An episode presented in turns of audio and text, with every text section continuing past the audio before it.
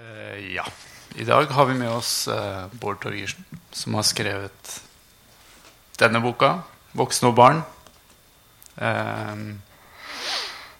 litt kort om deg. Eh, du er forfatter, selvfølgelig. Har gitt ut fem romaner. En diktsamling. En del singler på Flamme. I tillegg er du musiker. eh, I en del forskjellige prosjekter. Eh, og har komponert musikk for eh, teater og film.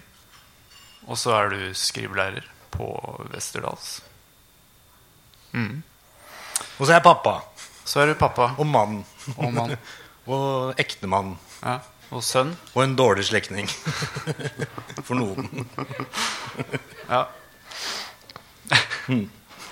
Yes, jeg tenkte vi kunne begynne med at du leste litt. Ja, Og så snakker vi om eh, Jo, ja, det blir sånn. Du leser, vi snakker. Du leser, vi snakker. Du leser, og vi snakker. Ja. Yes. Yes. Um, jeg tenkte jeg skulle lese et eh, ganske langt strekk til å begynne med. Mm, så dere får bare være Dere får bare stå ut med det. Skal vi se Rune Frøys dro gardinen bak senga forsiktig til side, så at natta var i ferd med å bli dag. Himmelen oppe bak fjellet var mørkt lilla og rød. En sverm av måker kretset rundt sletta foran foten av fjellet. Dukket ned mot noe som måtte være et sted hvor det ble dumpet avfall. Han hadde en god dialog med daglig leder, men hun ga han en ubehagelig følelse. Hun var ikke så dum som mannen hun tok over for, men hun ga han en ubehagelig følelse. Han hadde ikke lyst til å måtte forholde seg til henne. Han burde begynne for seg selv igjen. Han kunne få til det. Iver snudde seg, han sov tungt fremdeles. Lå med pekefingeren stukket inn i munnen. Rune reiste seg forsiktig, fisket opp klærne sine fra gulvet, listet seg ut i gangen, inn i stua. Hun lå på sofaen, hadde dratt dyna over seg, hadde en arm over øynene, munnen åpen. Han gikk bort til kjøleskapet, åpnet døra, fant fram til en flaske med vann. Løftet flaska opp til munnen, tok en stor slurk, kjente væsken fylle munnen, renne nedover halsen. Det smakte annerledes enn vannet hjemme. Hardere, som om det inneholdt metall. Han satte flaska fra seg på toppen av kjøleskapet, gikk bort til sengekanten, satte seg forsiktig ned, la en hånd på låret hennes. Hun rørte på seg. Er det morgen allerede? mumlet hun uten å flytte armen som lå over øynene. Vi skal få som, eh, hvis vi skal få oss en plass ved svømmebassenget med stoler og parasol, burde vi gå ned og kapre en plass. Må vi gjøre det så tidlig? Hun vred seg over på siden. Da får vi de beste plassene. Hun pustet tungt. Han reiste seg, gikk inn på badet, skrudde på vannet, vasket og barberte seg. Registrerte i speilet at han bare i løpet av de få timene i bassenget dagen i forveien hadde blitt rød. Han måtte huske å ta med solkrem. Han fant fram strandbagen, gikk ut i gangen, åpnet utgangsdøra, sjekket at han hadde med nøkkelen og forsvant ut. Ut fra bungalowene strømmet det folk, utsendinger med strandbager, akkurat sånn som han. Og akkurat som han passet de på ikke gå så fort. Akkurat som han ville ikke se ut som de skyndte seg.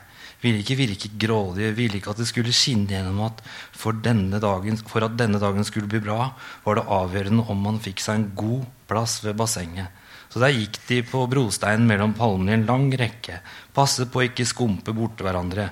Ikke passere hverandre. Alle i sandaler. Alle mennene i shorts og T-skjorter. Alle kvinnene i bikinier med tynne strandkjoler over. Bare voksne, ingen barn. De lå og sov ut etter forrige dags utagering i bassenget. Mange av sengene var allerede opptatt, men han klarte å kapre seg en god plass i det høyre hjørnet av det største bassenget. Tre senger og en parasoll. Han satte seg ned på den midterste senga, pakket opp håndklær av strandbagen og brettet dem ut over sengene. Det var slik reservasjonen av senger foregikk. Man sto opp tidlig, kom seg ned til bassenget og la håndklær, bager, svømmeføtter, snorkler, bøker på de sengene man ønsket å ta i bruk senere på dagen. Det var for tidlig å bade. Sola hadde ikke stått helt opp. Og på et skilt på fire språk skrudd opp på hotellets mur sto det at bassenget ikke måtte brukes før klokken 8.30. Han gikk en tur rundt på området, forbi området med minigolf, helt ut mot havet. Ble stående på en plattform ved et rekkverk, kikket utover Atlanteren. Det var stupbratt ned. Langt borte kunne han se et fraktskip. Man klarte ikke å oppfatte om det var på vei mot han eller på vei bort. Langt under ham slo dønningene inn mot de spisse klippene. Vannet skummet mellom steinene. Han lot blikket gli bortover kystlinjen noen hundre meter til høyre, for han lå det en stor trestokk og duppet opp og ned i bølgene. Til venstre for han var det en liten vik, og innerst i vika så han at det var en liten strand. Han kom seg ned fra plattingen, begynte å gå ned en trapp som førte til vannkanten. Han stoppet på det nederste trinnet, tok av seg sandalen og hoppet ut. Vannet var ikke dypt. Rakk han ikke lenger enn opp til leggene. Han vasset bortover mot vika. Bunnen under føttene var vekselvis dekket av små steiner og sand. Vika var større enn han hadde sett fra utsiktspunktet, kanskje 100 meter lang.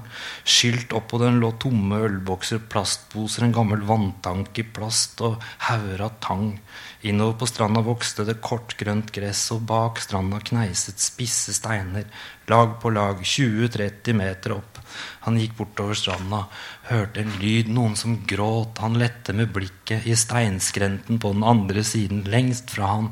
mellom steinene, var en stor presenning spent opp, og foran presenningen sto det en mann med et barn i armene.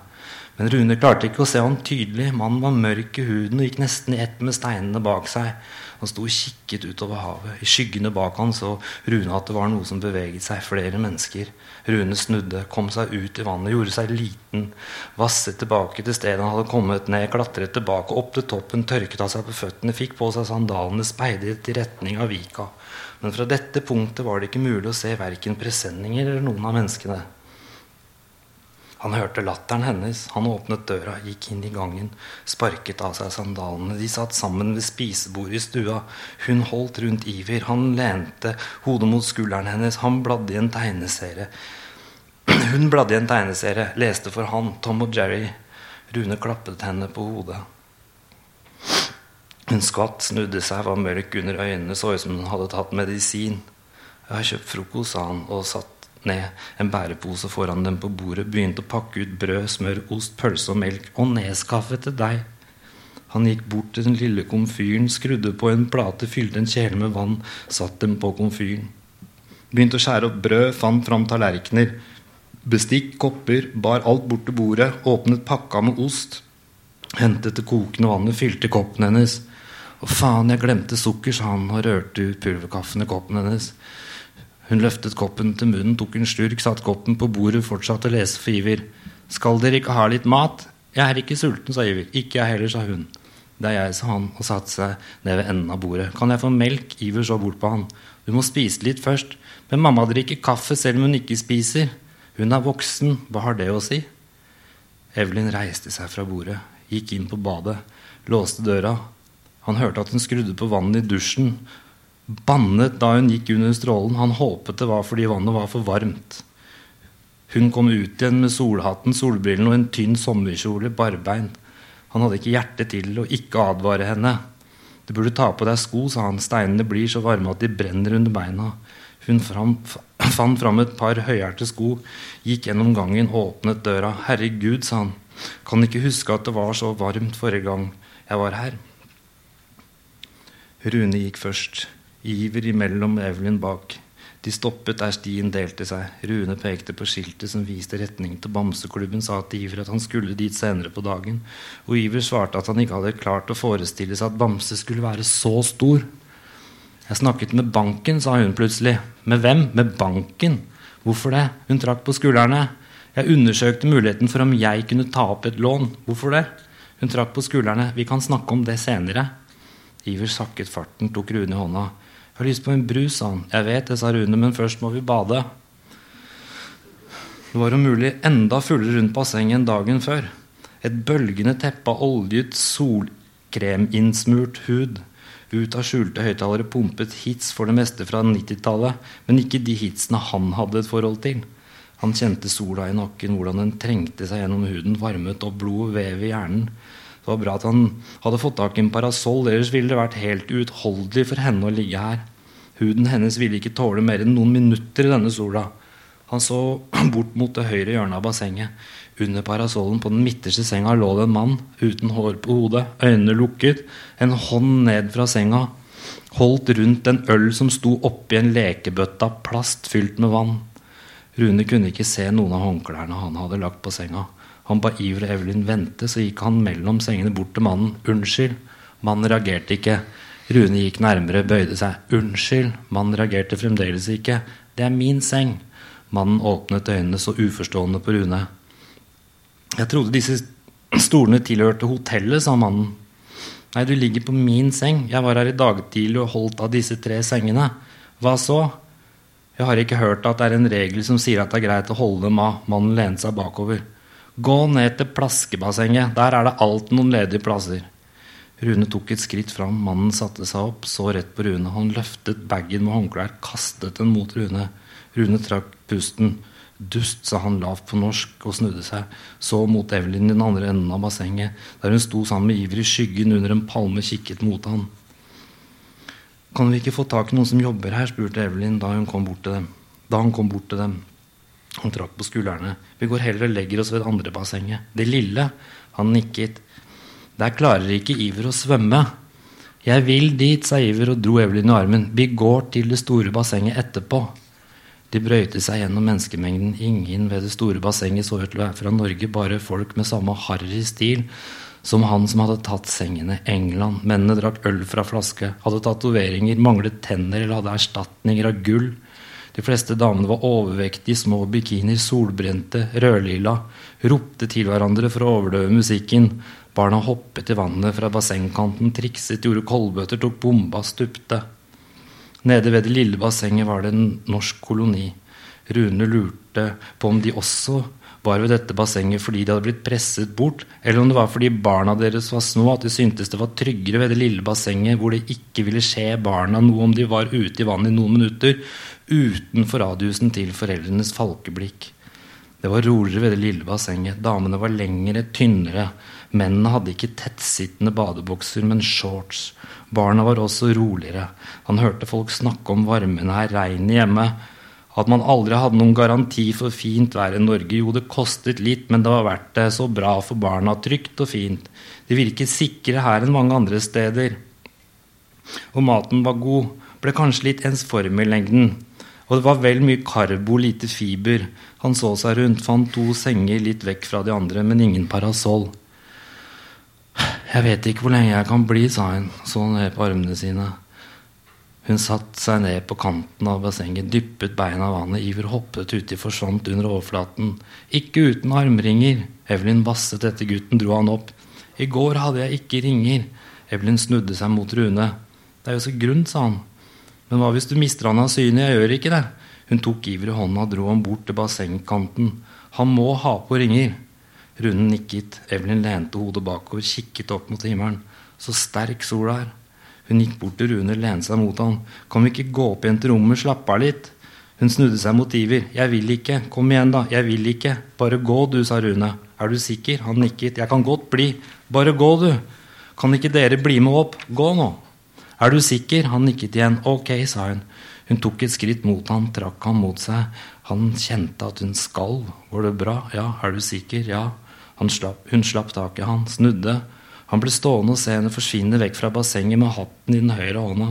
Hun løftet den sakte opp mot fjeset og viftet seg. Midt imellom det store og det lille bassenget satt en kvinne, nei, ikke en kvinne, hun var kanskje ikke mer enn 19 eller 20. Håret hennes var gredd bakover, kinnbeina skøyt fram. I hånda holdt hun en vannflaske. Innimellom reiste hun seg, gikk noen skritt fram og tilbake, strakte seg som om hun ville vise fram den lille bikinien, så gikk hun og satte seg igjen. Nå så hun i Runes retning, smilte. Sola brant i nakken. Rune smilte tilbake. Det prikket i huden. Han satte seg ned på knærne, lente seg framover, dukket seg i det grunne vannet. Kom, sa han til Iver, vi skal gå. Det er så morsomt her. Nå! Han tok tak i Iver og dro han med seg bort til kanten av bassenget. Tørket han, fant fram klærne. Skal vi ikke dusje? Nei, ikke nå. Hva med basillene som bor i bassenget? Kanskje de er i rumpa mi? Vi skal til Bamse. Iver satte seg. Bamse, han hadde jeg glemt. Han fikk på seg sandalene, tok Rune i hånda og begynte å hale han gjennom folkemengden. Rune snublet i beina på en seng. Iver dro han i armen. Har vi tatt med honning? Hvorfor skulle vi det? Til Bamse. Vi har ikke det. Vi kan kjøpe her. De har ikke honning i Spania. Hvorfor ikke? Gå nå. Han fikk Iver inn på stien mellom palmene. Gutten forsvant nesten i dampen fra overrislingsanlegget. Det raslet i bladene over dem. En fugleflokk lettet svarte kropper over palmetoppene. Det sved under beina. Han hadde løpt fra sandalene. De sto ved bassenget. Han fikk hente dem senere. Stien delte seg. De tok til venstre, fulgte skiltet med bilde av bamse. Foran dem en lav, grønn bygning. Foran bygningen en huske, en sklie, et klatrestativ. Alle apparatene var lave, spinkle. Hvor små var egentlig barna her? De stoppet foran døra. Han dro av Iver sandalen og plasserte dem på en skomatte. De gikk inn i en smal gang. Hørte barn skråle og le lenger inne. En ung mann kom mot dem. 'Hvor skal dere?' 'Vi kom i går', sa Rune, og dette er Iver. Mannen så på Iver, smilte og sa 'Jeg tror ikke det vil være noe gøy for deg her. Klubben er for små barn.' Iver kikket opp på Rune. 'Vi har fått plass til han', sa Rune. 'Han er for gammel.' 'Jeg vet det, men vi fikk plass til han.'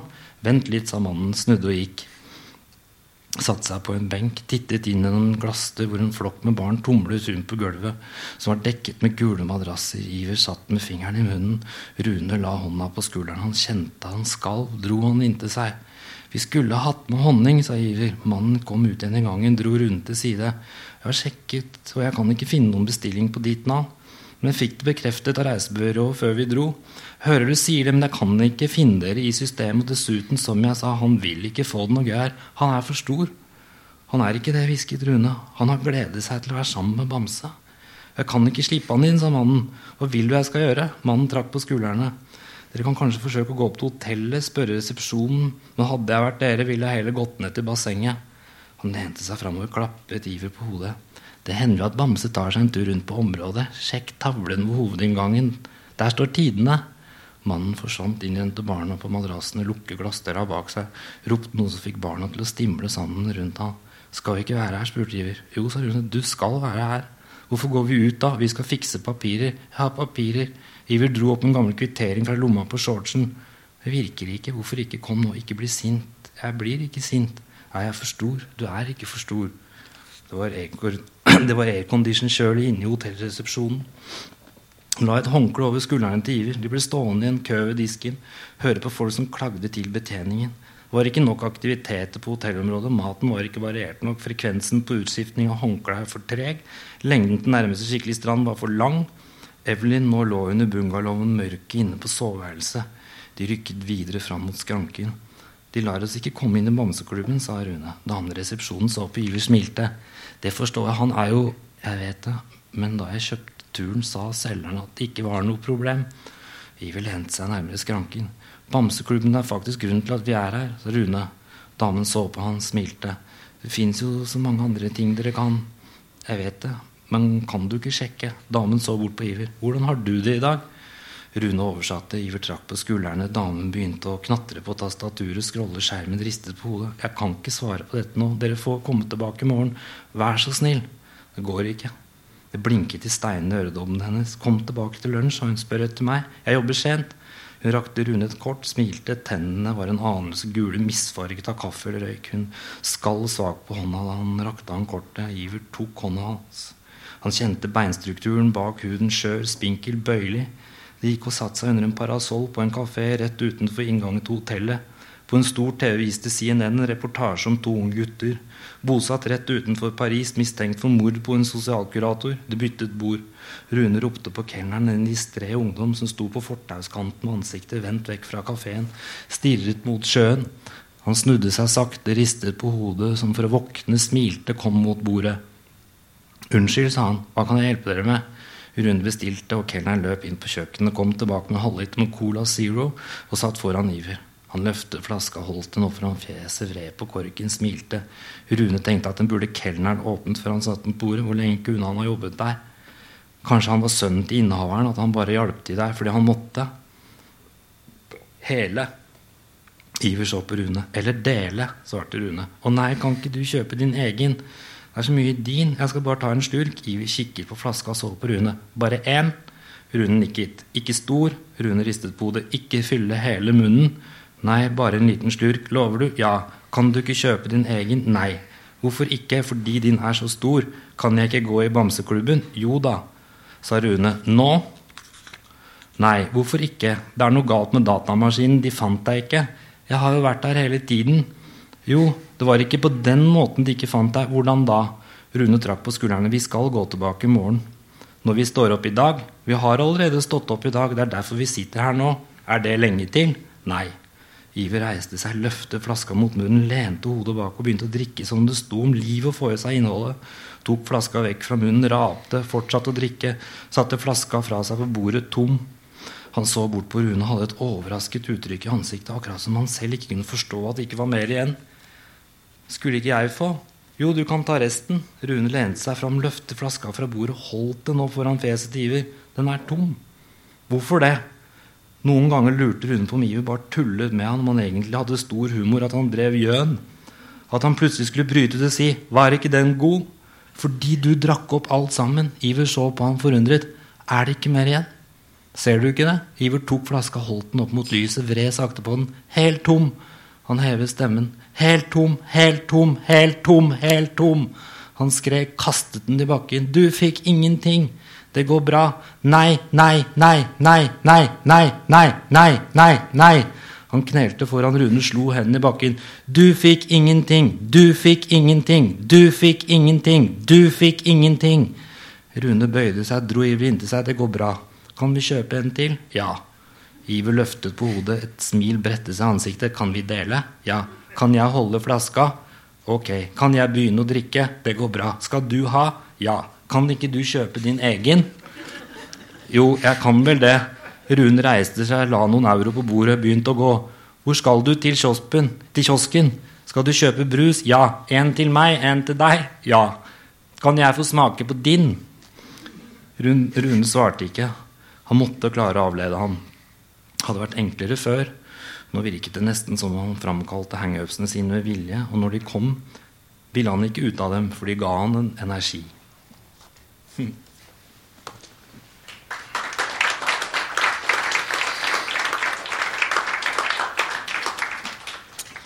Takk. Um, det her er ikke første gang du eh, drar til Gran Canaria i, med bøkene dine. Hvorfor uh, drar du tilbake dit? Det, er, det er mange grunner. Det er, det er jo et sted man kan dra på ferie til. For jeg liker å dra på ferie. Ja. Så, nei, Grunnen til at jeg dro dit første gangen, er at uh, en venn av meg som drev og tatoverte meg, flytta dit og starta et tatoveringsstudio i Las Palmas sammen med en fyr fra Manchester som allerede, eller som egentlig var på stedet fra før av. Så jeg dro dit for å bli tatovert av han på stedet. Og så har jeg dratt tilbake mange ganger etterpå at jeg har fått barn. og Det er et eller annet merkelig frastøtende og tiltrekkende med, med hele den øya.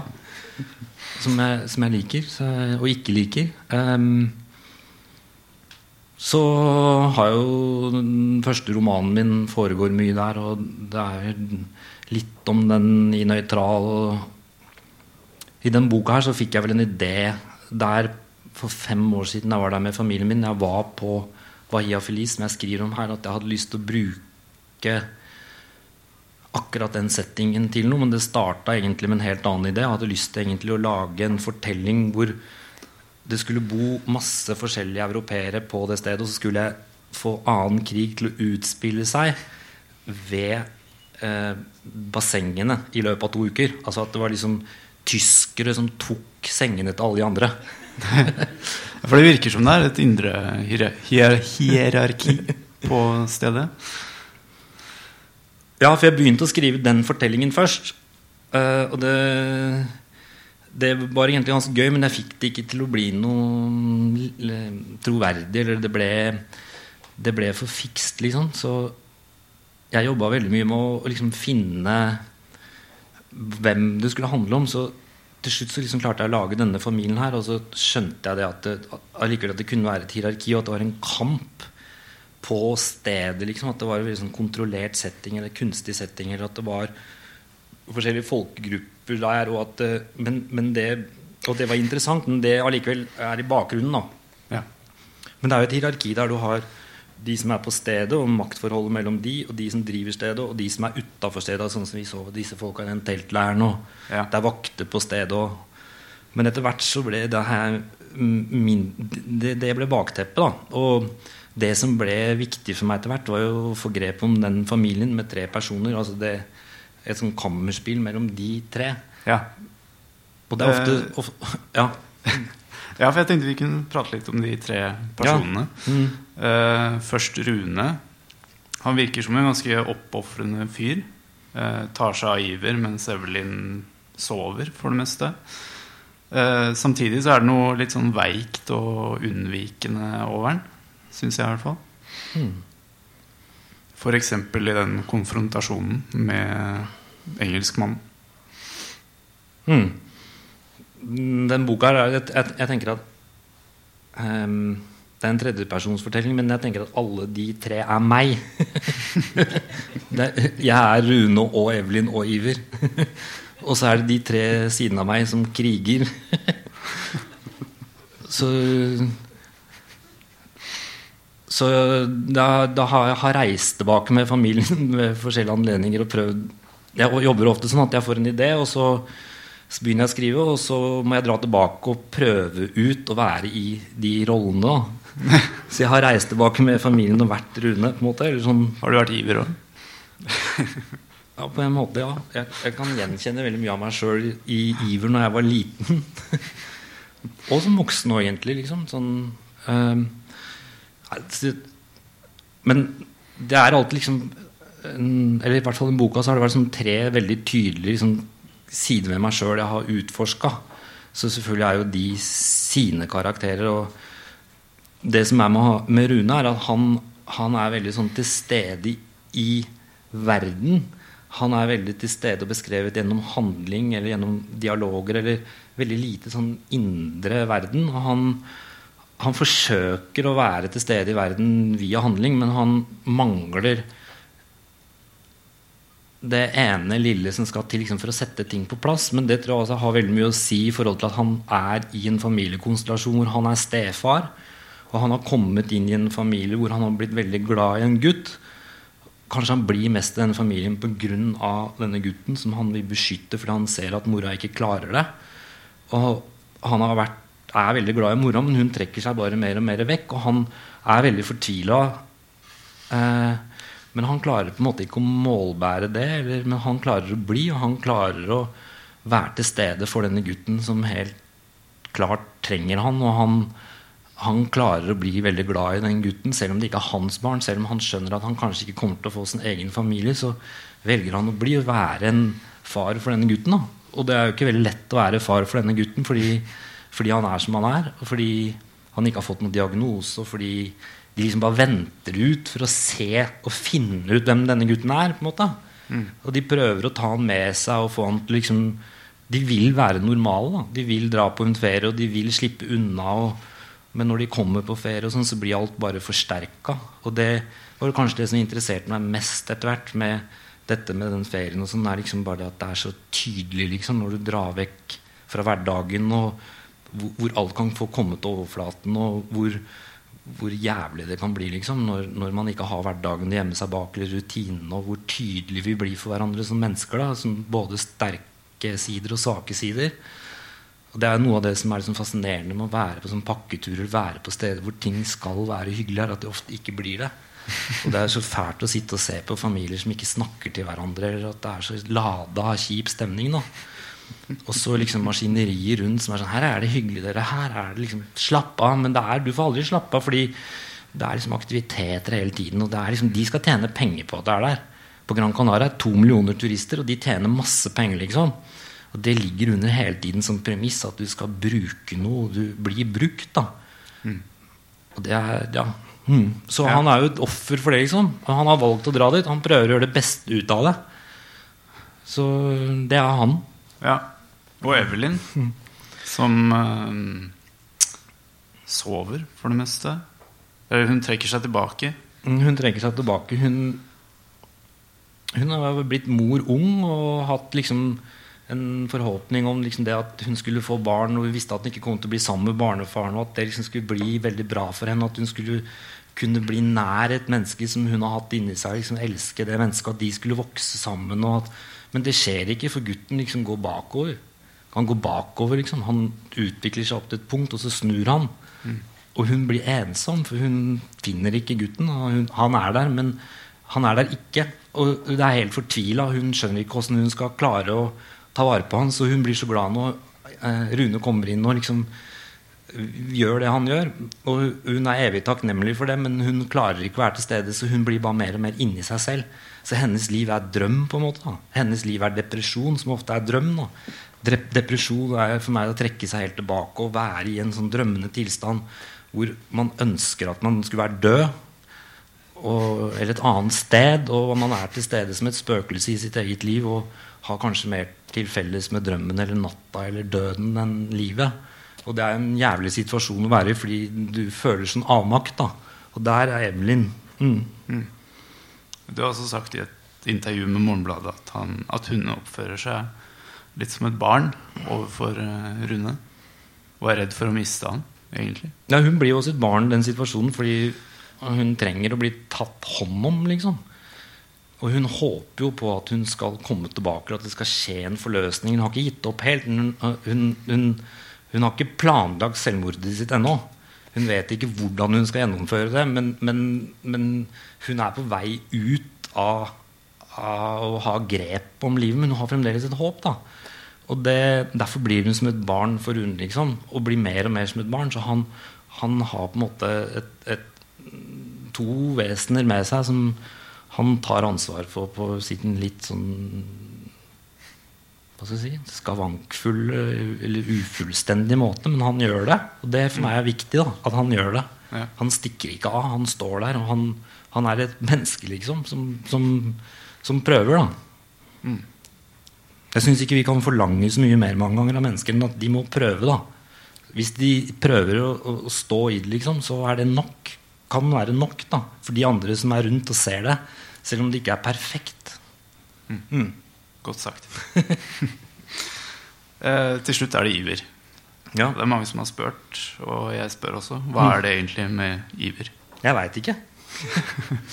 og det var det som var liksom utfordringen med å skrive denne boka. var å ikke gi han en diagnose eller ikke, ikke si hva som feilte han. Og det er jo kanskje det som en anmelder påpekte, at det er det mest liksom, fiksjonelle med hele fortellingen, er at Iver ikke har en diagnose. For i virkelige, den virkelige verden, ikke i, en, ikke i en fortelling, så ville jo han fått en diagnose. Fordi vi kunne ikke tillate han å være eh, tolv år og, og, og, være sånn som han er, og, og, bare si at ja, han er bare sånn. Han ville jo hatt en diagnose. Men, men, for meg, ved å gi han en diagnose, så vil jeg også ta fra han friheten til å være iver. Og hvem er iver? Det vil jeg folk skal stille seg spørsmål om. Fordi den diagnosen vil med en gang stigmatisere han. Og jeg skjønner at man i virkeligheten må gjøre det mange ganger for å gi folk behandling eller gi folk rettigheter. og sånn, fordi vi lever i et system som sier at ja, hvis du har en diagnose, så har du rettigheter til behandling. sånn og sånn. Hvis du ikke har en diagnose, da er du ikke feil verken, da har du ingen rettigheter. Så selvfølgelig ville disse foreldrene og, og, og strevd etter å få gitt han en diagnose. Men i min fortelling så har han ikke en diagnose, da er han iver. og jeg veit ikke helt hva det er. Og det var veldig vanskelig liksom, Jeg bytter jo perspektiv tre ganger i løpet av fortellingen. Først Rune, og så Evelyn, og så Iver. Og det å skulle skrive Ivers perspektiv var veldig vanskelig, fordi eh, hvordan kan jeg vite noe om Iver? Hvordan kan jeg ikke låse han, liksom? Og samtidig bli kjent med han? Og det var motivasjonen veldig for å skrive ut denne teksten til slutt. Det var jo Iver, liksom. er, for meg er boka Iver. Det er han som er omdreiningspunkt. Det er han som er kraften i fortellingen fordi han er autonom. Fordi, fordi, fordi han ikke har den diagnosen. Mm. Fordi han rommer så jævlig mye, på en måte fordi vi ikke vet hvem han er. Og så har han også definisjonsmakt fordi alle i fortellingen kretser rundt han og må forholde seg til han og plassere han og ta avstand fra han eller si at det er greit eller ikke greit. og og de foreldra føler seg helt utafor. Liksom, de er egentlig helt normale folk, men de føler seg helt utafor fordi de er jo ikke normale. De er foreldra til en gutt som ikke er som alle andre. Mm. Så de føler på det presset at de blir kasta utafor, og de ønsker sånn at han skal bli som andre, sånn at de kan slippe å føle på den annerledesheten. Så de blir liksom ufrivillige outsidere. Og det det er noe veldig trist over det, liksom. At ikke de kunne fulgt han med, liksom. Hvorfor skal de til helvete til Gran Canaria med han? Hvorfor skjønner de ikke det før de drar at det å dra og få han i en bamseklubb når han er tolv år, blir dritt, liksom? Men det er fordi de er glad i han. Da. Fordi han sier han vil dit Bamse, liksom. Så tenkte jeg at det blir fint, det får vi til. Men det blir det jo ikke.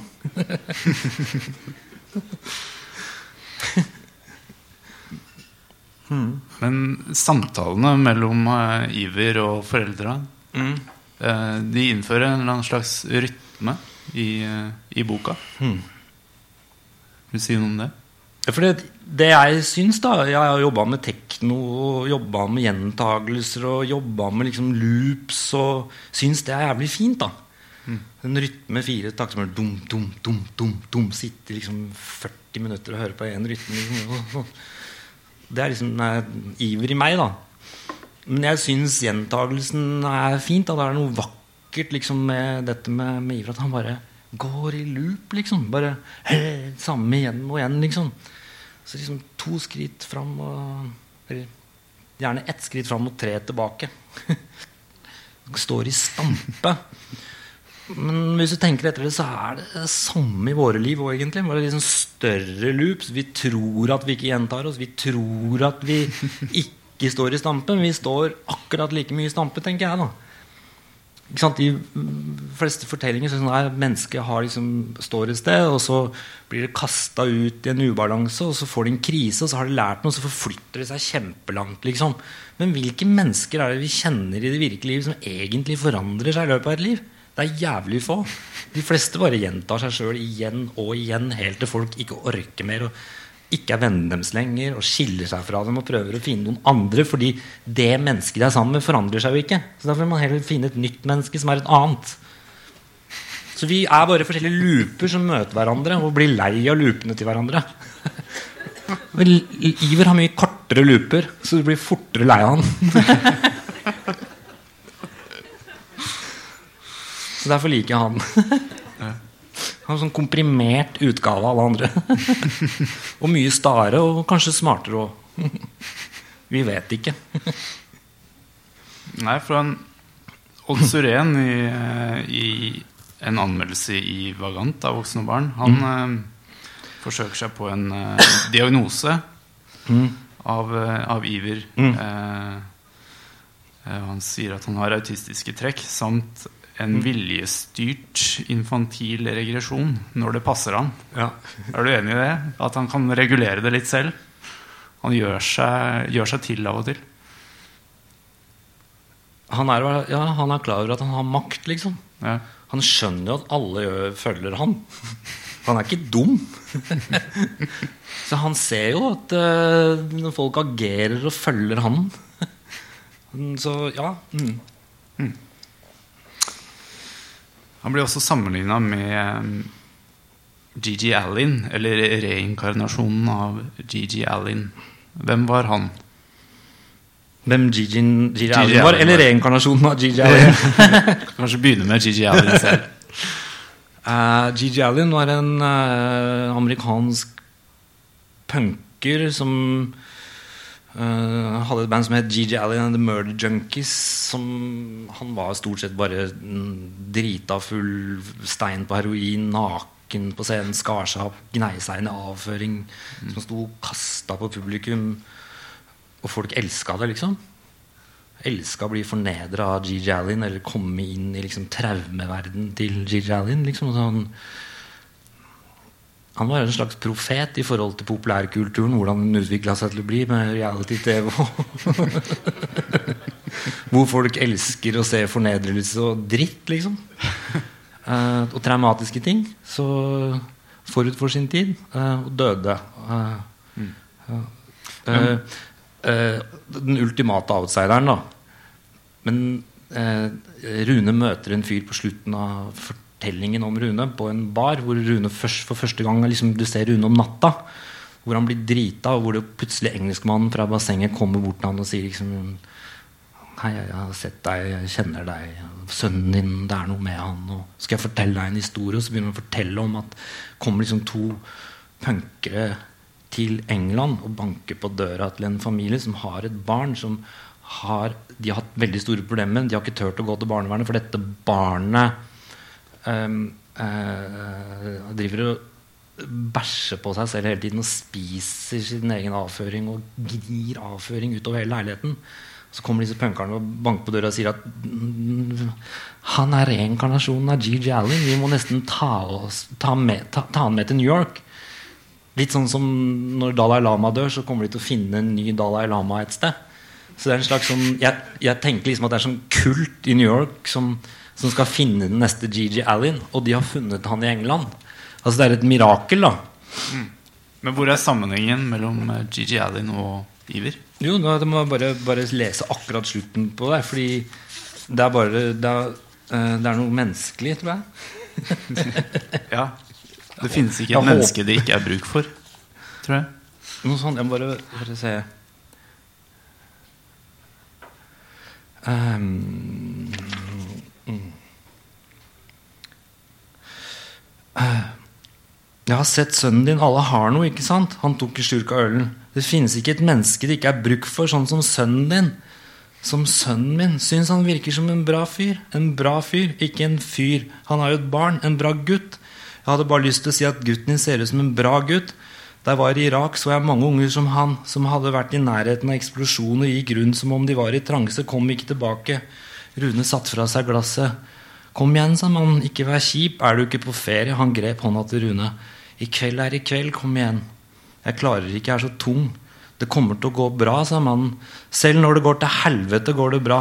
At du kan føle smerte, betyr bare at du fremdeles lever.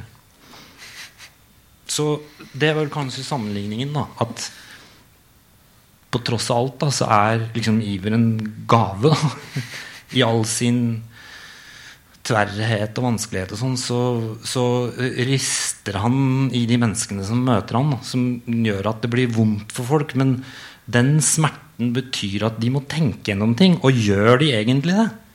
Kanskje det er mannen sier, da. Som noen har etterpå i anmeldelsen har kalt en psykopat. Mm. det forstyrrer meg, for jeg syns ikke han er det. han er kanskje bare litt mer realist enn de andre i fortellingen. Og litt Kanskje litt forkvakla, men ikke psykopat, syns jeg. uh, jeg tenkte vi skulle uh, snakke litt om det norske fellesskapet. Mm. Som uh, i, nes, i, samtlige av romanene dine så har karakterene en eller annen innebygd motstand mot fellesskap. Virker det som? Er du ja. enig i det? Ja, jeg er veldig enig i det. De er de har en innebygd motstand mot det, samtidig som de ønsker seg det meste av alt. da. De ønsker å tilhøre et fellesskap, men de klarer ikke å tilhøre det fellesskapet de skulle ønske de tilhørte. Og ofte så finner de ikke det fellesskapet. da. De ønsker at det skulle finnes en kjerne, men de finner ikke den kjernen.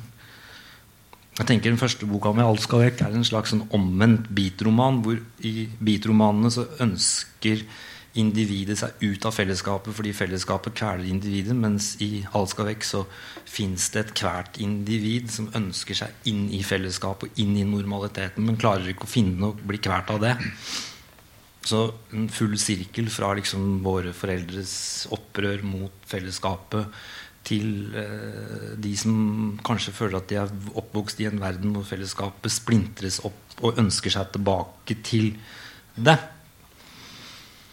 Eh, men det er en ambivalens helt klart i forhold til at ja, når man har muligheten til det, så klarer man det ikke allikevel. At man ikke, ikke, ikke, er bygd for det, eller at man blir dratt veldig mellom ønsket om å tilhøre fellesskap og bli frastøtt av det samme fellesskapet.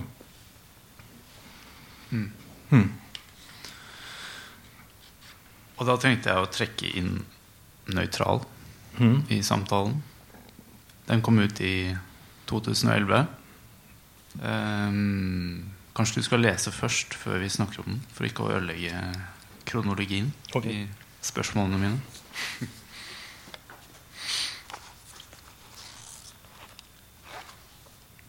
Det er den siste delen. Det er fem deler. De er ganske forskjellige, alle delene. Forskjellige uh, hovedpersoner i hver del. Nå hopper rett inn i den femte delen. Øya lå langt ute i havet. På øya var det en stor skog. I enden av skogen var det en slette. Midt på sletta lå det et stort slott. Slottet var hvitt. I midten av det hvite slottet strakte et høyt tårn seg mot himmelen. Skyene for raskt av gårde. En kraftig vind blåste mot tårnet. Trærne svaiet. Langt, lent ut fra en balkong helt øverst i tårnet sto Hilmar Hilmarsson, en kraftig mann med langt, svart hår, skjegg og mørke øyne. Hilmar hevet stemmen, ropte inn i en megafon han holdt i høyre hånd. Det var tydeligvis viktig for han at politifolkene representantene fra helsevesenet som sto nede på bakken og så opp mot han, hørte alt han hadde å melde. Jeg slipper dere aldri inn, ropte Hilmar. Det er dere som kommer til å tape denne kampen. Dere er på nøytralt område. Dere kan ikke komme med deres krav. Tvinge oss til å dra herfra. Jeg gjør det som må gjøres. Jeg tror på kunsten. Kunsten må dominere alt. Alle må bøye seg for kunsten, dere også. Det vil ikke bli gjort unntak for dere, akkurat som det ikke blir gjort unntak for meg eller noen andre her inne. Jeg kommer ikke til å gi meg. Det er alt eller ingenting. For en kamp dette har vært. For 15 år siden forlot jeg alt. Jeg var fullstendig slagen. Hele verden var blitt et mareritt, så jeg trakk meg tilbake. Strandet på Gran Canaria. Ja, det forferdelige stedet. Der tenkte jeg at jeg ville ta livet av meg. Jeg følte meg så svak, var alene, ville ikke snakke med noen, bare synke og synke. Men en dag klarte jeg ikke mer. Jeg begynte å prate med en naken mann som satt ved siden av meg på en liten, avsidesliggende strand. Han var ikke høflig, han spilte ikke et spill. Nei, han lyttet med en oppriktighet jeg kunne føle. Jeg viste han tegninger. Han satt med dem i fanget, studerte dem nøye. Etter en liten stund begynte han å gråte. En voksen mann, naken, gråtende ved siden av meg i sanda. Det var sterkt. Hadde det ikke vært for Tony Fernandes, ville jeg aldri våget å fortsette. Det var Tony som overbeviste meg om at jeg ikke måtte gi meg. Han tok vare på meg, han skaffet meg et sted jeg kunne arbeide. Og han ville ikke ha noe tilbake. Han stilte ingen krav. Han forlangte ingenting. Han ville dele. Jeg vil takke deg, Tony. Uten deg ville jeg ikke vært noen ting. Jeg skulle ønske at du var her nå, at du kunne stå sammen med meg i dette tårnet, heve det hvite flagget, støtte meg gjennom det som nå kommer, men det går ikke. Du er ikke her. Du er forsvunnet. Du har blitt borte. Dere der nede vil at jeg skal føle meg dårlig, skamme meg, men jeg vil ikke føle meg dårlig. Skyene seiler over himmelen, plutselig kommer regnet. Jeg vil være som vann, gjennomsiktig, klar. Jeg er ikke ute etter en mening. Før trengte jeg alltid en mening, så jeg ga alltid en mening. Hvorfor? Hvis jeg tegner et erigert kjønnsorgan på et barn, så er kjønnsorganet kun streker. Et hakekors er også bare streker. Et fot og øynene til Marlene Dietrich, bare et raster. Jeg har fremdeles fremdeles en kosebamse jeg fikk da jeg var fire. Jeg kan klemme den, kose den, sette den i en stol eller snakke med den eller kle den ut som en prins eller la den fly i en luftballong som er en ølkasse eller rive av den armer og bein. Begynne å gråte. Jo, jeg er sliten. Jeg har lyst til å se bakover, ikke forover. Det ville vært mye enklere. Spart meg for mye frustrasjon og smerte. Men det ville også gjort livet mitt fattigere, mindre fylt av mirakler. Jeg vil være her og hjelpe kunsten å ta over verden. Det gjør meg lykkelig. Ingen tør å gi makten til noe, noen eller noe som aldri har hatt makten før. Men vi må tørre det. Det er alt eller ingenting. Vær så snill og trekk dere tilbake. La kunsten ta over så fort som mulig. Vi har ikke mye tid. Kunsten står utenfor alt er større enn alle. Alle må underkaste seg kunsten. Vi skal bli kunstens slaver, alle sammen. Det må skje. Det finnes ingen andre løsninger. Ikke innbill dere det. Dette er min øy, mitt slott. Er dette lov, eller er det ikke lov? Det bryr meg ikke. I dette slottet finnes ikke riktig og galt. Her finnes ingen lærere, ingen elever, ingen tilpasninger. Ikke noe du må gjøre, ikke noe du ikke må gjøre. Ingen dogmer, ingen regler, ingen sperrer. Jeg åpner dørene for dem som dere sperrer inne, forsøker å behandle dem som ikke lar seg behandle fordi det ikke finnes noe å behandle. Hos meg er de med på å lage kunsten. Hos meg sitter de bak flygelet. Hos meg danser de gjennom ballsalen. Hos meg står de på scenen. Hos meg får de være frie. Ja, frie, så banal er jeg. I mitt slott får alle være frie. Hos meg skal ingen forandres. Hos meg skal ingen tvinges til å gå gjennom metamorfoser. Her er ingen perverse. Her er alle nakne. Alle som vil gå herfra, får lov til å gå. Jeg tvinger ingen til å bli. Men det er ingen som vil gå. Alle vil være her. Ingen forlater lykken. Ingen vil tilbake til sorgen. Slutt å komme hit. Slutt å hamre på porten. Slutt å lese opp rettens kjennelser. De vil ikke tilbake. De vil være her. I dette slottet, ute på denne øya. Denne nøytrale sonen hvor kunsten bestemmer alt. Hvor kunsten ligger og venter på å ta over verden. Dere kan ikke stoppe det. Dere har trengt dere inn på mitt område. Jeg har ikke erklært krig. Jeg har bare sagt at kunsten må få all makt. Jeg kan ikke gå til krig. Jeg har sagt at jeg må være nøytral. At kunsten må være nøytral. Likevel skal den få all makt. Hvordan det skal skje, aner jeg ikke. Men det kommer til å skje. Det er slik det er, og dere er redde for det. Dere har sett det komme, og dere vil gjøre alt for å stoppe det. Dere sitter i redsel på kontoren deres. Noen av dere gråter, andre får ikke sove. Dere ser for dere en verden hvor kunsten har makten, og dere vet ikke hva dere skal gjøre i den verden. Dere klarer ikke å se for dere slutten, ikke begynnelsen, og dere kan ikke leve med det. Så dere kommer hit truer, og alle vi som er her inne, kan føle kraften. Og det kan dere også. En dag vil denne øya synke havet, og sola slukne. Men først skal kunsten ta over. Først skal det innføres en ny orden, og jeg skal samle dem som er mine. Lukas, min venn, jeg føler at du er på vei. Ikke gi opp. Vi elsker deg, Lukas. Vi har tilgitt deg. Ikke slutt å tro på det. Ikke skad deg selv på veien. Ikke skad noen andre. Det er ikke verdt det. Det er bedre å flykte. Det finnes alltid en mulighet til å flykte. Blir vi tvunget inn i et hjørne, graver vi oss ned og ut. Ingen kan kreve at vi skal bli. Ingen kan kreve at vi skal slåss. Vi kommer ikke til å slippe dere inn. Dette handler om prinsipper. Dere det første dere må gjøre, er å legge fra dere skjold, gassmasker og hjelmer. Det er barn her inne. De to guttene er mindreårige, og ja, de burde vært hjemme. I en ideell verden burde de det. De var modige på grensen til galskap. Og den natta de drev i land her, malte Marie Sofie, Lukas og jeg et helt fantastisk bilde. Det viser en blokk, og på blokka, så høyt oppe som i åttende eller niende etasje, er det en balkong. Og på den balkongen står det en liten gutt. Han holder den ene armen opp foran seg. Gutten er naken. Håret hans lys, krøllete, kroppen kraftig full av muskler, selv om han ikke er mer enn fire år. Og foran han i lufta utenfor balkongen flakser en gigantisk skapning med vingene, en griff. Og griffen har sperret opp øynene, og øynene er store og svarte, og griffen krummer klørne gjør seg klare til å løfte opp gutten, ta han med. Bildet er fem ganger fem meter. Det fyller hele den ene veggen i ballsalen. Vi kommer til å få en god pris for det bildet. Det sier seg selv. Det har styrke. Det er som om selve bildet er i ferd med å lette. Sprenge seg ut av taket, forsvinne opp i skyene, drive av gårde. Sånn må den nesten være. Det er det vi lever for her inne. Friheten. Vi dømmer ingen. Vi sover i samme seng. Når en av oss blir syk, blir alle syke. Dere sier at jeg er en leder, men det stemmer ikke. Jeg lar, lar, alle gjøre som de vil. Hvorfor er det bare du som står og roper, da? ropte en av representantene fra helsevesenet som var på vei opp mot toppen av tårnet i lift sammen med en av politibetjentene. Fordi det er jeg som er lettest for å snakke, ropte Hilmar. Ja vel, sa politibetjenten, hvis alt er så fritt, kan du ikke gi megafon til en av de andre. Det er ikke så enkelt, sa Hilmar. Hvorfor ikke, spurte politibetjenten. Fordi alle de andre er nede i ballsalen. De lager kunst. Det er det de liker. Ingen av oss vil ha en konflikt med dere. Det fjerner fokuset vårt fra det som er viktig, kunsten og kunstens overtagelse av makten. Men la oss få høre noen av de andre snakke. La oss få høre at de er av egen fri vilje, sa representanten fra helsevesenet. Ja, la oss få se og høre Marie Sofie Nilsen, sa politibetjenten. Dere er ikke i posisjon til å stille krav, sa Hilmar. Vi stiller ikke krav, sa representanten fra helsevesenet. Vi er bare bekymret for hvordan de andre har det. Det har dere ingen grunn til, sa Hilmar og trakk pusten. Så snudde han seg, forsvant fra vinduet inn i tårnet. Marie Sofie, ropte han. Etter noen minutter hørte representanten fra helsevesenet og politibetjenten steg oppover trappene. Like etter så de to mennesker komme ut på balkongen. Ved siden av Hilmar sto en liten, kraftig skikkelse med støtte bein og armer uten hår, naken med rød maling over hele kroppen. I hånda holdt skikkelsen megafonen som den løftet opp mot fjeset. Representanten fra helsevesenet og politibetjenten hørte spraking og så en stemme som sa en, to, en, to. Og så en rungende latter fullt av Det var høyt. Det sprakte igjen. Marie Sofie, ropte representanten fra helsevesenet. Ja, svarte Marie Sofie.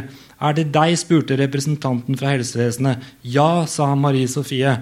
Har du det bra? spurte representanten fra helsevesenet. Ja, sa Marie Sofie.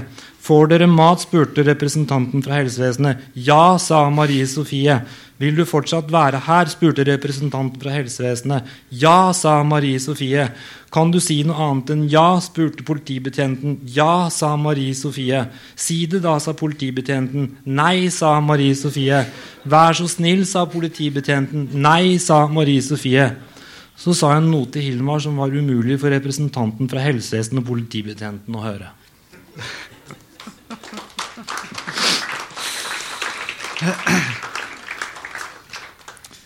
I den siste delen av Nøytral så blir vi presentert for et litt eh, alternativt samfunn ute på den øya Mm. som ledes av Hilmar. Der kunsten står i sentrum, og alle gjør som de vil.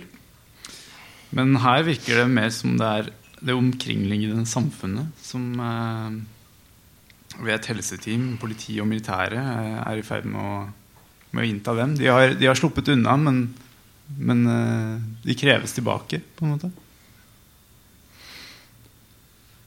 Mm, De får ikke være i fred. Mm. De skal integreres i storsamfunnet. De, de, de, de får ikke være på utsiden.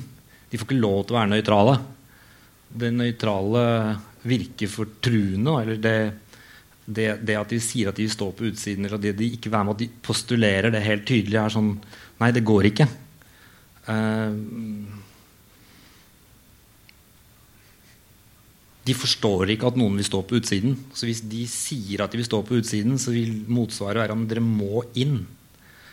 Dere må inn, liksom. Dere kan ikke være her. Um, så det blir det, det, det, Denne delen av boka er liksom Jeg tenker det som en barnebok, da. Det er liksom veldig tydelig. Så er det en mann i et tårn, og så er det liksom de snille på innsiden, så er de slemme på utsiden, og så må det bli en konflikt. De jobber liksom veldig sånn nesten sånn Serafin og Plym-aktig. Liksom konfrontasjon mellom eh, de som er i tårnet, og, og, og, og, kreftene som er utafor. De er vel, de er vel, det er veldig sånn sjablongmessig framstilt. da, Hvordan kunstnerne i tårnet er og agerer, og hvordan de på utsiden er. Det er veldig sånn ja, sjablongaktig, barnebokaktig. Mm.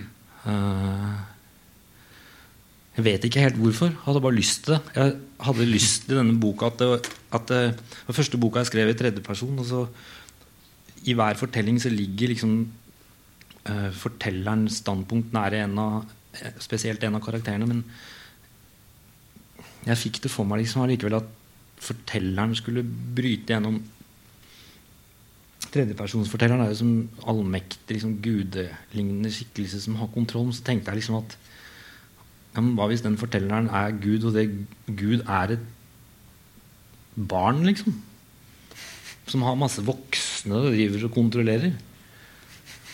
Og da liksom i den siste delen så var det helt tydelig liksom, at her er det et barn som bruker voksne. Sånn sånn opp, opp, opp. Uh, jeg vet ikke. Er bare det, den, den delen skjedde veldig fort. Så jeg forstår, akkurat som med Iver, så for jeg forstår egentlig ikke Hilmar. Bortsett fra at jeg skjønner at han har et prosjekt som er helt idiotisk. på en måte. Altså, Ivers prosjekt er ikke idiotisk, men prosjektet til Hilmar er på en måte helt idiotisk, fordi det er jo ikke noe prosjekt. Det er jo en idé som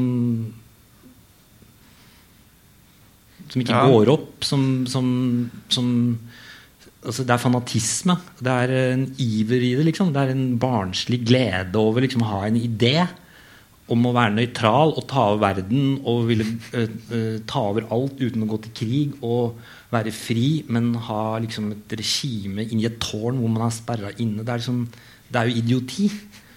Uh, og det er vakkert på en måte, fordi det er idiotisk. Eller han er, eh, fordi han er fanatisk, på en måte, og fordi han har så mye energi. Fordi det er jo ikke noen logikk som kan drive det prosjektet. Det kan jo bare være overbevisning. Overbevisning er jo fantastisk energiskapende, men veldig farlig. Hvis det ikke mm, går opp i noe bra. Jeg vet ikke om prosjektet hans Det går jo ikke opp i noe bra. De blir jo drept alle sammen. Så det, Kanskje. så det han vel- sier at, eh, at kunsten må få all makt, Mm. og forsøker å leve ut det her. Eh, samtidig så mm. eh, Billedkunstneren Agnes sliter med å finne inspirasjon inni, inni slottet der. Eh, hvordan ser du på forholdet mellom Hun er en eh, realist, kunst og da. makt? Hun er en realist som er sammen med en, eh, en fyr som er sånn adro, androgyn modell. Som eh, tydeligvis er elskeren til Hilmar òg.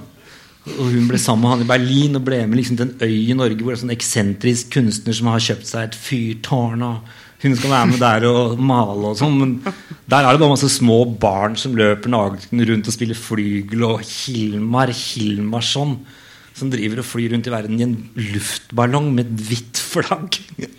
Og sier han skal ta over verden, liksom. Hun syns ikke det er så kult liksom etter en stund, Fordi det er ikke noe rom til henne der. Hun er altfor streit, på en måte. Ja. Så det er jo Det er jo, det er jo Kunsten trenger kanskje ikke makt. Nei, men jeg tenker liksom at ja, han er kunstner. Liksom. For meg når jeg skrev han ut, så tenkte jeg liksom at uh, han er en fanatiker. da Mm. Han er ekstrem, på en måte. Og, og på ett nivå så virker han sånn uskyldig, det er så koselig, det er så tøysete, liksom. Men det er farlig, på en måte òg. Men, men, men han får gjort noe. Og han, han tar et standpunkt, og han er villig til å liksom dø for det han tror på. Selv om det er det han tror på. Hva er det han tror på, liksom? Og slutten av den, hele den fortellingen eh, handler jo om at de blir angrepet til slutt av politiet. Og representantene fra helsevesenet blir kjemperedde og gjemmer seg i buskene. Og så stormer liksom politiet med maskingevær og bare dreper alle. Barn og alt blir bare slakt De forsøker, da, men det Hilmar gjør på slutten, er at han maler en luke i gulvet, og så bare forsvinner de ned i sin egen fiksjon. Og ut på en slette og forsvinner en luftballong. Og siste setningen i, i boka av, Skikkelig spoiler her, men samme det. uh, inn i lysningen på bakken under ballongen kommer fire soldater løpende roper at vi ikke kan dra. Nå har det bytta til førsteperson. Nå er det Hilmar som forteller i førsteperson etter at han har malt luka. De har forsvunnet ned i gulvet. Gjennom maleriet og ut på en slette og ut og inn. Tatt en, en luftballong ut fra en kasse og er på vei opp i luftballongen. Eh, kommer fire soldater løpende roper at vi ikke kan dra, at vi må stå til ansvar, at vi skal straffes, men vi svarer ikke, vi lar dem bare skrike, veive med armene, fekte, og ballongen stiger, og de ser ballongen bli mindre, krympe, først i størrelsen på en parasoll, så en fotball, så en tennisball, så en bordtennisball, så kan de nesten ikke få øye på oss lenger, så hører de vinden si sss, så er vi borte. Og jeg tenker liksom hvis du Eller det jeg syns var fett når jeg kom på den slutten det, de, Jeg, jeg, jeg sperra dem inne, og de ble angrepet. Og de, jeg var glad i dem, og jeg ville ikke at de skulle dø. Men de, var, de kunne jo ikke overleve det angrepet. Og da var det sånn at de, de lager en fiksjon, og gjennom fiksjonen så unnslipper de. Og det vil si at hvis vi kjøper løsningen om den fiksjonen, så har fiksjonen vunnet. Og de har all makt i sin nøytralitet. De har ikke slått tilbake, men de har lagd en fiksjon, og de forsvinner inn i fiksjonen. Hvis vi kjøper det, så vinner fiksjonen. Og da er fiksjonen en reell fluktmulighet i verden. Da er fiksjonen en, en, en fluktplan, liksom. Hvis vi velger å tro på det og blir så fanatiske at vi vil si at fiksjonen er viktigere enn virkeligheten, da vinner det. Men hvis vi er realister, så dør det jo. Så det er liksom opp til leseren om Hilmar vinner, eller, eller realismen, da. Og jeg veit ikke sjæl. Det avhenger av hvilken dag jeg leser det.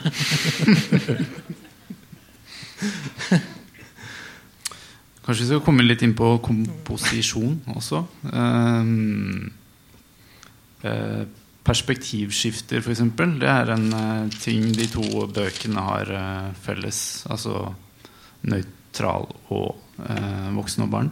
Ja. Eh, I eh, Voksen og barn så skifter perspektivet i romanen fra Rune til Evelyn og til slutt til Iver. Mm. Eh, hvorfor gjør du det på den måten her? Uh, når jeg skrev den først, så var det bare Rune sin fortelling i første person. Det funka ikke. så bare, Du må bare jobbe og jobbe liksom hele tiden med å prøve å skifte perspektiv for å, for å flytte meg sjøl mens jeg jobber, og for å se hva som skjer når man bytter perspektiv. Um, det er også fordi det er interessant når man skriver, å bytte perspektiv for å belyse fra forskjellige sider og se hvor man ender opp. Det er vel kanskje det viktigste verktøyet man har. Da. Tid. Når, når, om det er nå, eller framskutt, eller om det har vært. Eller, mm. Og hvem, hvem, hvem, som forteller det. Det er jo tredjepersonsfortelling, men det ligger veldig nært noen av karakterene i, allikevel. Så det er liksom sett gjennom de, selv om det er tredjepersonsfortellinger. Så Um, men, men, til slutt så ble det vel det som vi var inne på i stad. Liksom den første er liksom i, i, i, voksne barn så er det en slags realisme først, og så er det over til drøm, og så er det over til iver til slutt. Sånn at uh, vi kan forflytte oss gjennom en persons ståsted, så forandrer hele universet og verden seg. Men så vil jeg gjerne åpne opp for om, om det faktisk er kanskje tre forskjellige universer uavhengig av hvem som ser det. Da. Mm. Um, du legger deg ganske tett på karakterene dine i boka, til tross for en tredjepersonsforteller. Og leseren har uh, på en måte ikke noe annet perspektiv å orientere seg etter. Uh, fordi fortelleren uh, ikke selv griper inn og kommenterer handlingen. er det her for å skape rom for leseren? For leserens egne tolkninger? Det er jo først og fremst for å skape rom for meg sjøl når jeg skriver. på en måte sånn, uh, ikke, ikke, ikke, sperre, ikke, ikke legge for mange føringer i skrivinga, først og fremst. Men uh, jeg liker å strippe ned mest mulig da, når jeg har skrevet sånn at det er minst mulig føringer, i hvert fall i den siste boka, 'Voksne barn', at det er sånn, så, så, lite som mulig som står igjen uten å gjøre det mindre komplekst av den grunn. Så jeg har ikke lyst til å legge igjen mine fotavtrykk som forfatter i den fortellingen. Sånn at jeg stiller meg i veien for det at jeg ikke må briljere sånn, som forteller. da, At jeg er ikke interessert i å vise fram dramaturgien eller språket eller metaforer eller unødvendige bilder, eller at det, at det skal være så reint som mulig i forhold til at man opplever det som handling, da, som, som reelt. da mm. i forhold til at det er reelt i forhold til sin egen logikk. eller sin egen, Ikke at det er realisme, i forhold til, for det skjer masse ting som ikke er realistiske i forhold til hva vi tenker på som realisme, men som sin egen, egen fortelling eller sitt eget univers. At det er ingenting som ødelegger for det. liksom opplevelsen Når jeg skriver og skriver meg inn i det, så ser jeg scenene, jeg ser ting skje jeg ser det veldig tydelig på en måte, så jeg prøver å beskrive det jeg ser, som om det er en ja, Beskrive det mest mulig. Så det handler vel om at jeg ikke har lyst til å bryte den illusjonen for meg sjøl når jeg skriver. Så liksom at jeg blir for synlig, så dempes det som er i fortellingen. Da. Ja. Mm. Um, skal vi se på tida her um Kanskje vi skal ta for oss de siste delene av boka nå. Ja. Um, for det begynner å skje ting. Familien begynner å De lar det skure en god stund. Men etter hvert, da Iver har kommet inn i bamseklubben og må hales opp av det store bassenget etter å ha rømt, mm. Så begynner de å søke litt ut av familietriangelet. Ut i natten. De flykter, kan man si. Mm. Mm. Skal du lese litt, eller? Ja. Orker dere en runde til? Tekst? Ja. ok.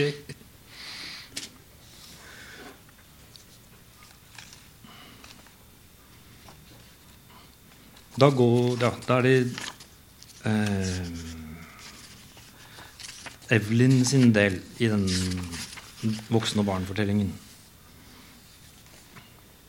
Jenta kunne ikke være ekte. Hun så ekte ut. Det gjorde de to kvinnene også. Ansiktene var forvridde, uttrykte en blanding av smerte, redsel og overraskelse. Under tittelen 'Found on Ground' sto det 19.11.08. Den ene kvinnen hadde den høyre hånda halvveis over barnet, som hun hadde forsøkt å dra jenta inntil seg beskytte henne, men ikke rukket det. Evelyn hadde bøyd seg ned på museumsgulvet, knelt ved siden av Iver. Hodet til jenta var toppen 20 cm fra hennes. Hun hadde fått følelsen av at hun stirret jenta rett inn i øynene. Hun kunne ikke være ekte. Hun måtte være lagd av voks. Blikket hennes var så stivt tomt. Hun hadde sjekket kunstnerne på nettet. De hadde blitt kjent som det palestinsk-israelske paret. Men etter hvert hadde denne påstanden slått sprekker. Han var født og oppvokst i Madrid, hadde riktignok en palestinsk mor, mens farens familie var spansk bakover i generasjoner. Hun var jødisk, men hadde aldri vært i Israel. Hun hadde bodd på Manhattan til hun var 22. Så hadde hun tatt bachelor i utviklingen av den mekanistiske naturoppfatningen på 1600-tallet i Oxford. Så begynte hun på en kunstskole i Rotterdam. Blikket til jenta satt fremdeles i Evelyn. Hvorfor skulle det ikke være ekte? De kunne kjøpt opptakene fra en TV-stasjon.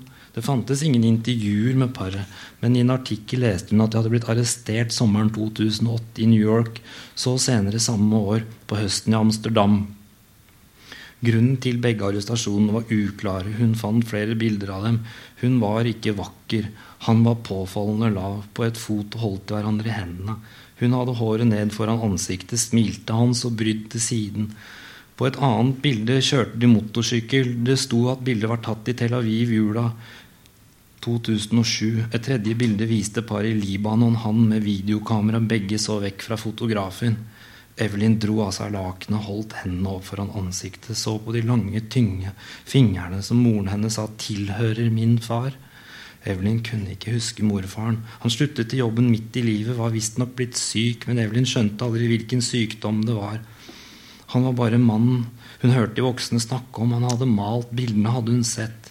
Det er ikke noe vits i å ha disse stående framme, sa bestemoren da de var hos henne for å hjelpe til å rydde etter begravelsen hans. Jeg syns de er fine, svarte Evelyn. Kom deg ut i det fine været, sa bestemoren.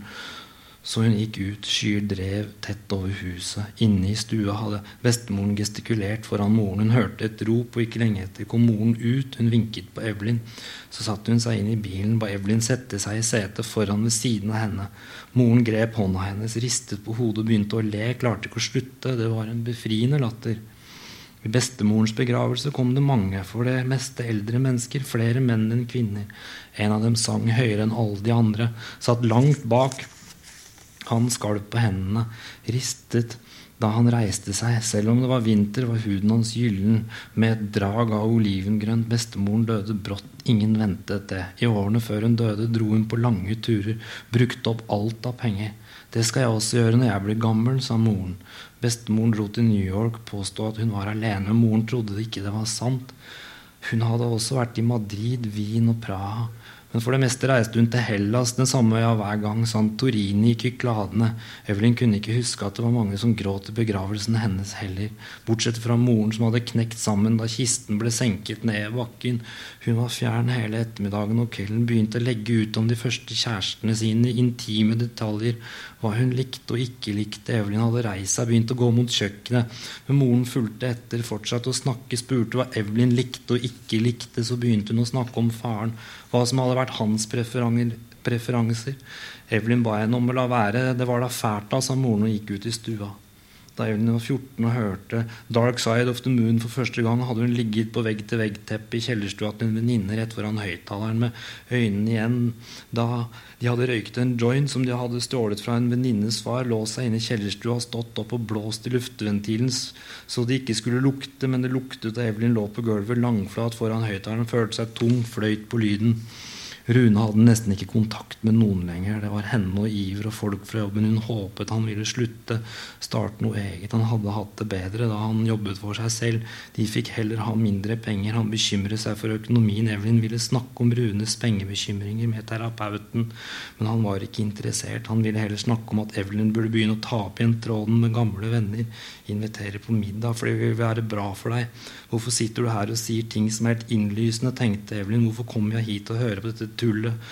Så spurte terapeuten om hun ikke trodde om det kunne være en god ting å ta opp i en studie. Hun sa at jo, det kunne være en god ting. Og så spurte terapeuten om hva hun trodde skulle til for å klare det. Og hun sa at hun ikke visste.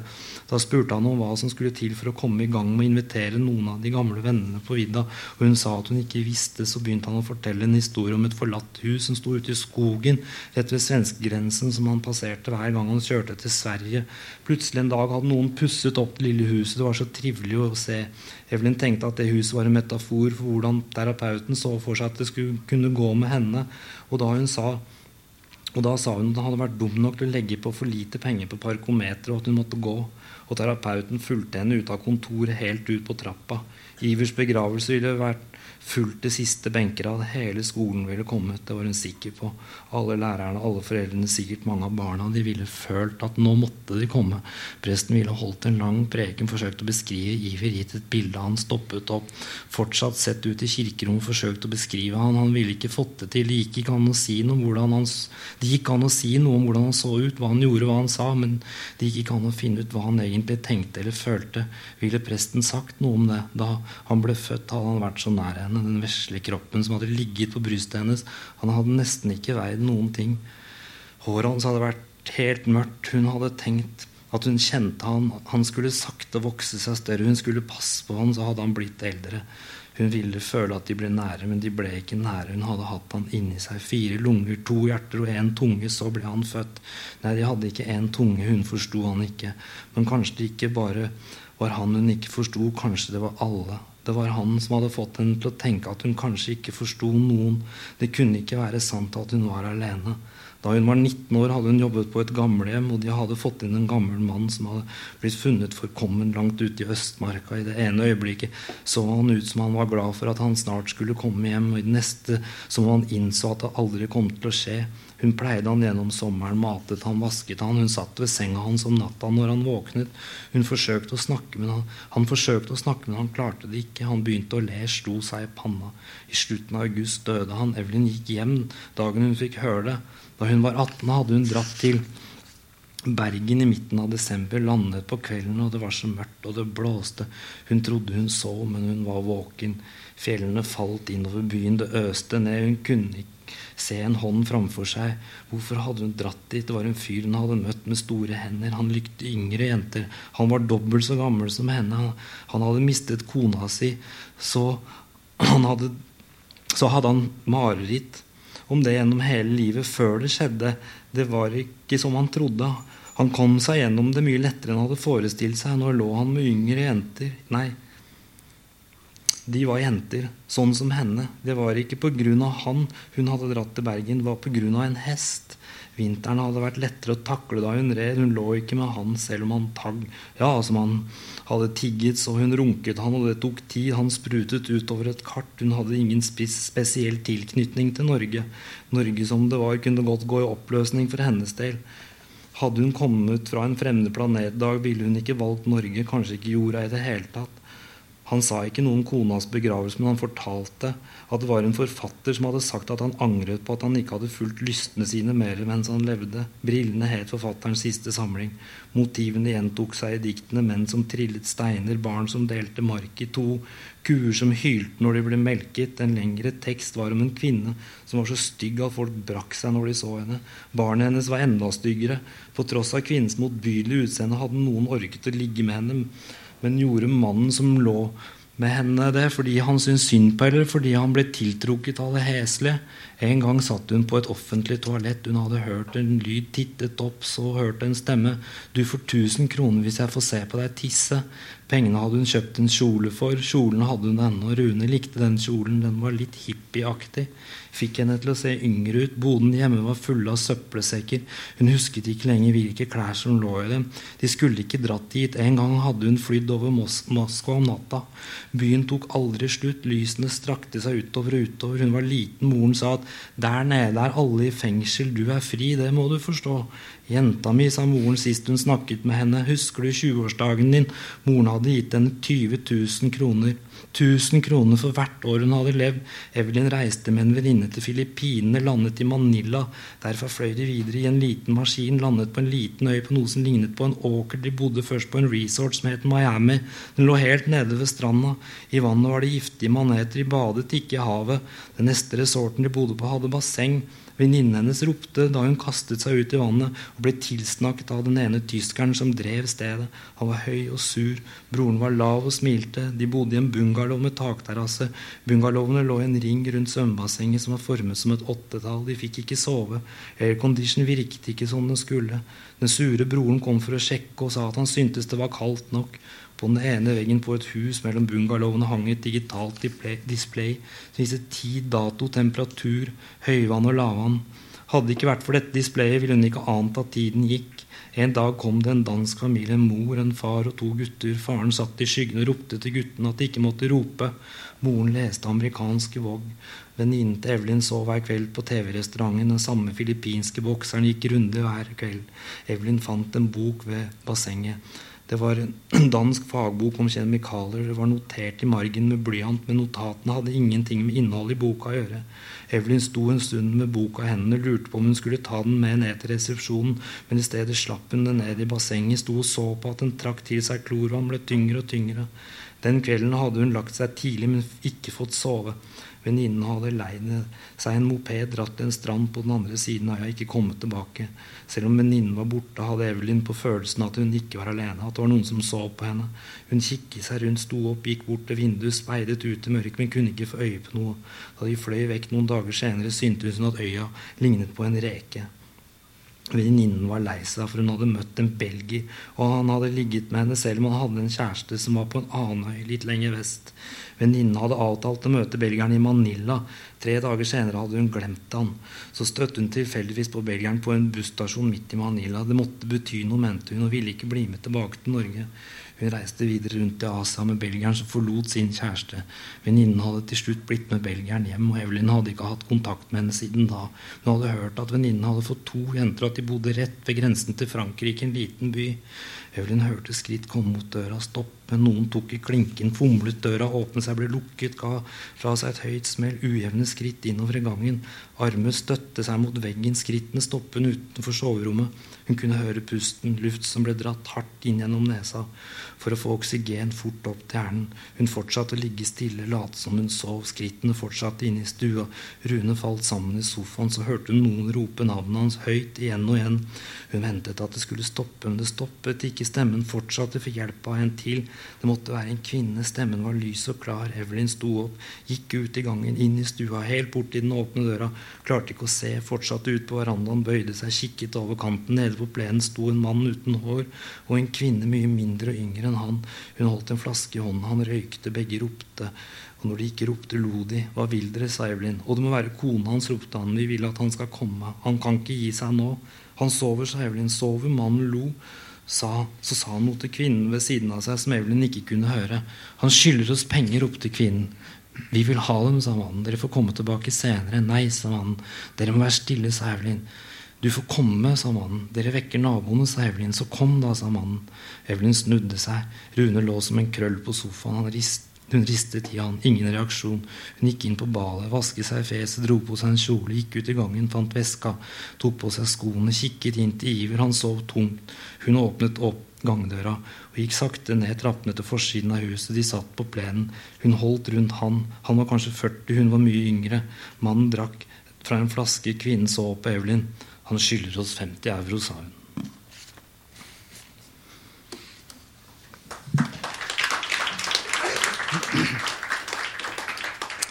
Jeg tar et par avsluttende spørsmål.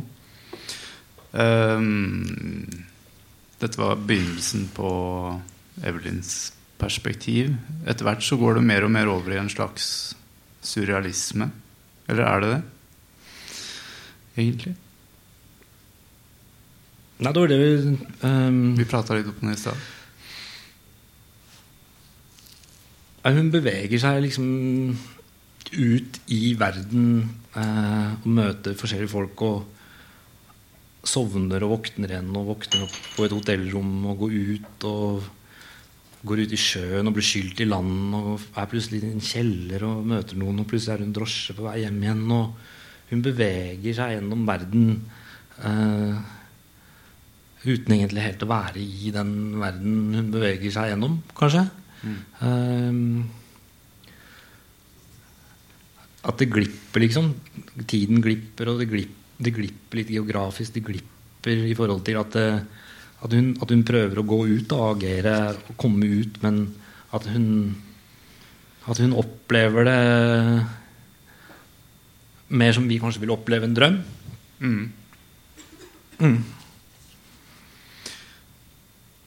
Så man kan jo se de utfluktene som en slags flukt fra en situasjon som blir mer og mer klaustrofobisk i den familien. Eh, men både Rune og Evelyn returnerer eh, etter å ha vært ute i natten. Hva som skjer med Iver, det er litt mer gåtefullt. Ja. Vi kan kanskje trekke en parallell her til eh, slutten i Nøytral, hvor de fantaserer seg en slutt, eller en flukt. Gjør Iver det samme, eller? Ja, det er vanskelig å snakke om den slutten uten å si helt konkret hva det Ja. er. Men um, Nei, jeg tenker den, den slutten i denne boka her som mye mer konkret. Mm. Jeg tenker den som at det faktisk skjer. Men at det kan bare skje Iver. Det kunne ikke skjedd oss, men det kan skje han, fordi han, han på en måte rommer den muligheten. Da. Han, han, han, han driter i våre definisjoner, og derfor kan helt andre ting skje han. Det kan skje han noe vi på en måte bare avfeier som fantasi. Eller, men i og med at han ikke føyer seg etter våre rasjonelle, eller de rasjonelle spillereglene, så kan det skje han. Og han opplever det som skjer, og det, det, det, det omkalfatrer alt for han. Um, jeg skrev det inn i teksten, så tenkte jeg liksom Hva betyr det, eller hva betyr det ikke? Eller så tenkte jeg så må bare slutte å være så jævla analytisk, liksom. Det, det skjer. Og hvorfor skal du forstå det? Altså, hvorfor, hvorfor er det et krav for at du skriver at du skal forstå det? Og jeg prøver å oppgi det ganske mye når jeg skriver, at jeg må forstå det jeg skriver. Altså, det, jeg forstår jo ikke alt i verden. Jeg opplever jo ting i verden jeg ikke forstår, som jeg gjenforteller til andre, eller som blir viktig for meg, selv om jeg ikke kan forstå det. Påvirker meg. Det, det, det, det fins på en måte. Og det, det samme i Hvis jeg drømmer noe. Så liker liksom Louis Bunel, som sier liksom at det, han, han hata surrealistene på et punkt, og det var fordi at de skulle tolke drømmene til å representere underbevisstheten som om vi har liksom bevissthet, underbevissthet, og at underbevisstheten forteller oss noe vi egentlig fortrenger hele tiden. Så han sa liksom at nei, drømmene er helt konkrete. Og jeg prøver å skrive ned drømmene mine og spille ut i film. Og så tolker folk til en sånn psykoanalytisk måte å se på filmene på. Om det vil jeg fraskrive meg, liksom, for dette er konkret. da og jeg tenker litt det samme for meg Når jeg får de innfallene, og sånn, så er det eller det oppstår, og det virker sant i forhold til fortellingen, så må jeg tørre å la det stå. Og kanskje tydeligst i denne teksten var liksom at jeg jobba jobba, jobba. Jeg fikk ikke landa det fordi det endte innafor liksom rammene til Rune, på en måte, eller til meg. Eller at det, det ga ikke Iver en frihet. da Det ga ikke han muligheten til å romme noe ikke jeg kunne forstå. Og når det kom inn, liksom, tenkte jeg ok, nå er han fri. på en måte Og jeg forstår det ikke, og veldig mange kommer ikke til å forstå det. Og det kommer sikkert til å kunne bli brukt mot teksten. At ja, det var fint helt til da, men så forsto jeg ingenting. Og så er det sånn, ja, Da, da fraskriver vi den teksten liksom, fordi vi ikke forstår det. Så tenkte jeg, men det får jeg bare drite i. Jeg driter i om jeg forstår det ikke, og da får andre også bare tåle at eh, de ikke forstår det. Lev med det, liksom. Men jeg har jo hatt en, som man begynner å skrive i Norge, og sånn, så føler jeg at det er en sånn ganske sånn streng sånn realistisk tradisjon. og at eh, man liksom, Det er sånn fantasy, eller det er science fiction, eller det er sånn magisk realisme, eller det er fint Latin-Amerika, eller Norge. liksom, da skal, sånn, da, skal, sånn, da skal vi forstå det.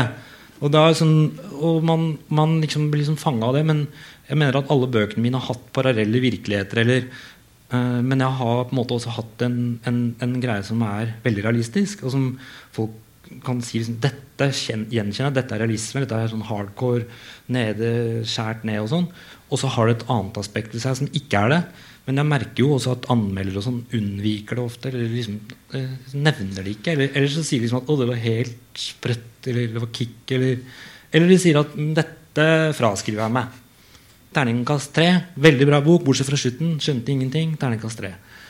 Så det er liksom Men det er egentlig greit. Men um, De blir usikre når de ikke forstår? jeg blir usikre fordi jeg, jeg vet ikke hvorfor, liksom. Hvorfor blir de usikre? Jeg blir jo usikker sjøl. Hvorfor blir jeg sjøl usikker? Er det, det er liksom ikke bra nok. Det er liksom ikke rent nok. Er det ikke Jeg vet ikke. Altså, jeg, jeg vet ikke hva det er. Men jeg merker i hvert fall i meg selv at jeg, at jeg, jeg liker å etablere liksom, fortellinger, tekstuniverser, eller, som rommer både det som er sånn hardcore realisme, som vi kaller det, eller som har liksom fått liksom lov til å hete realisme. Sånn er verden. Og at det rommer noe helt annet, som jeg også kan si at sånn kan jeg også egentlig oppleve verden.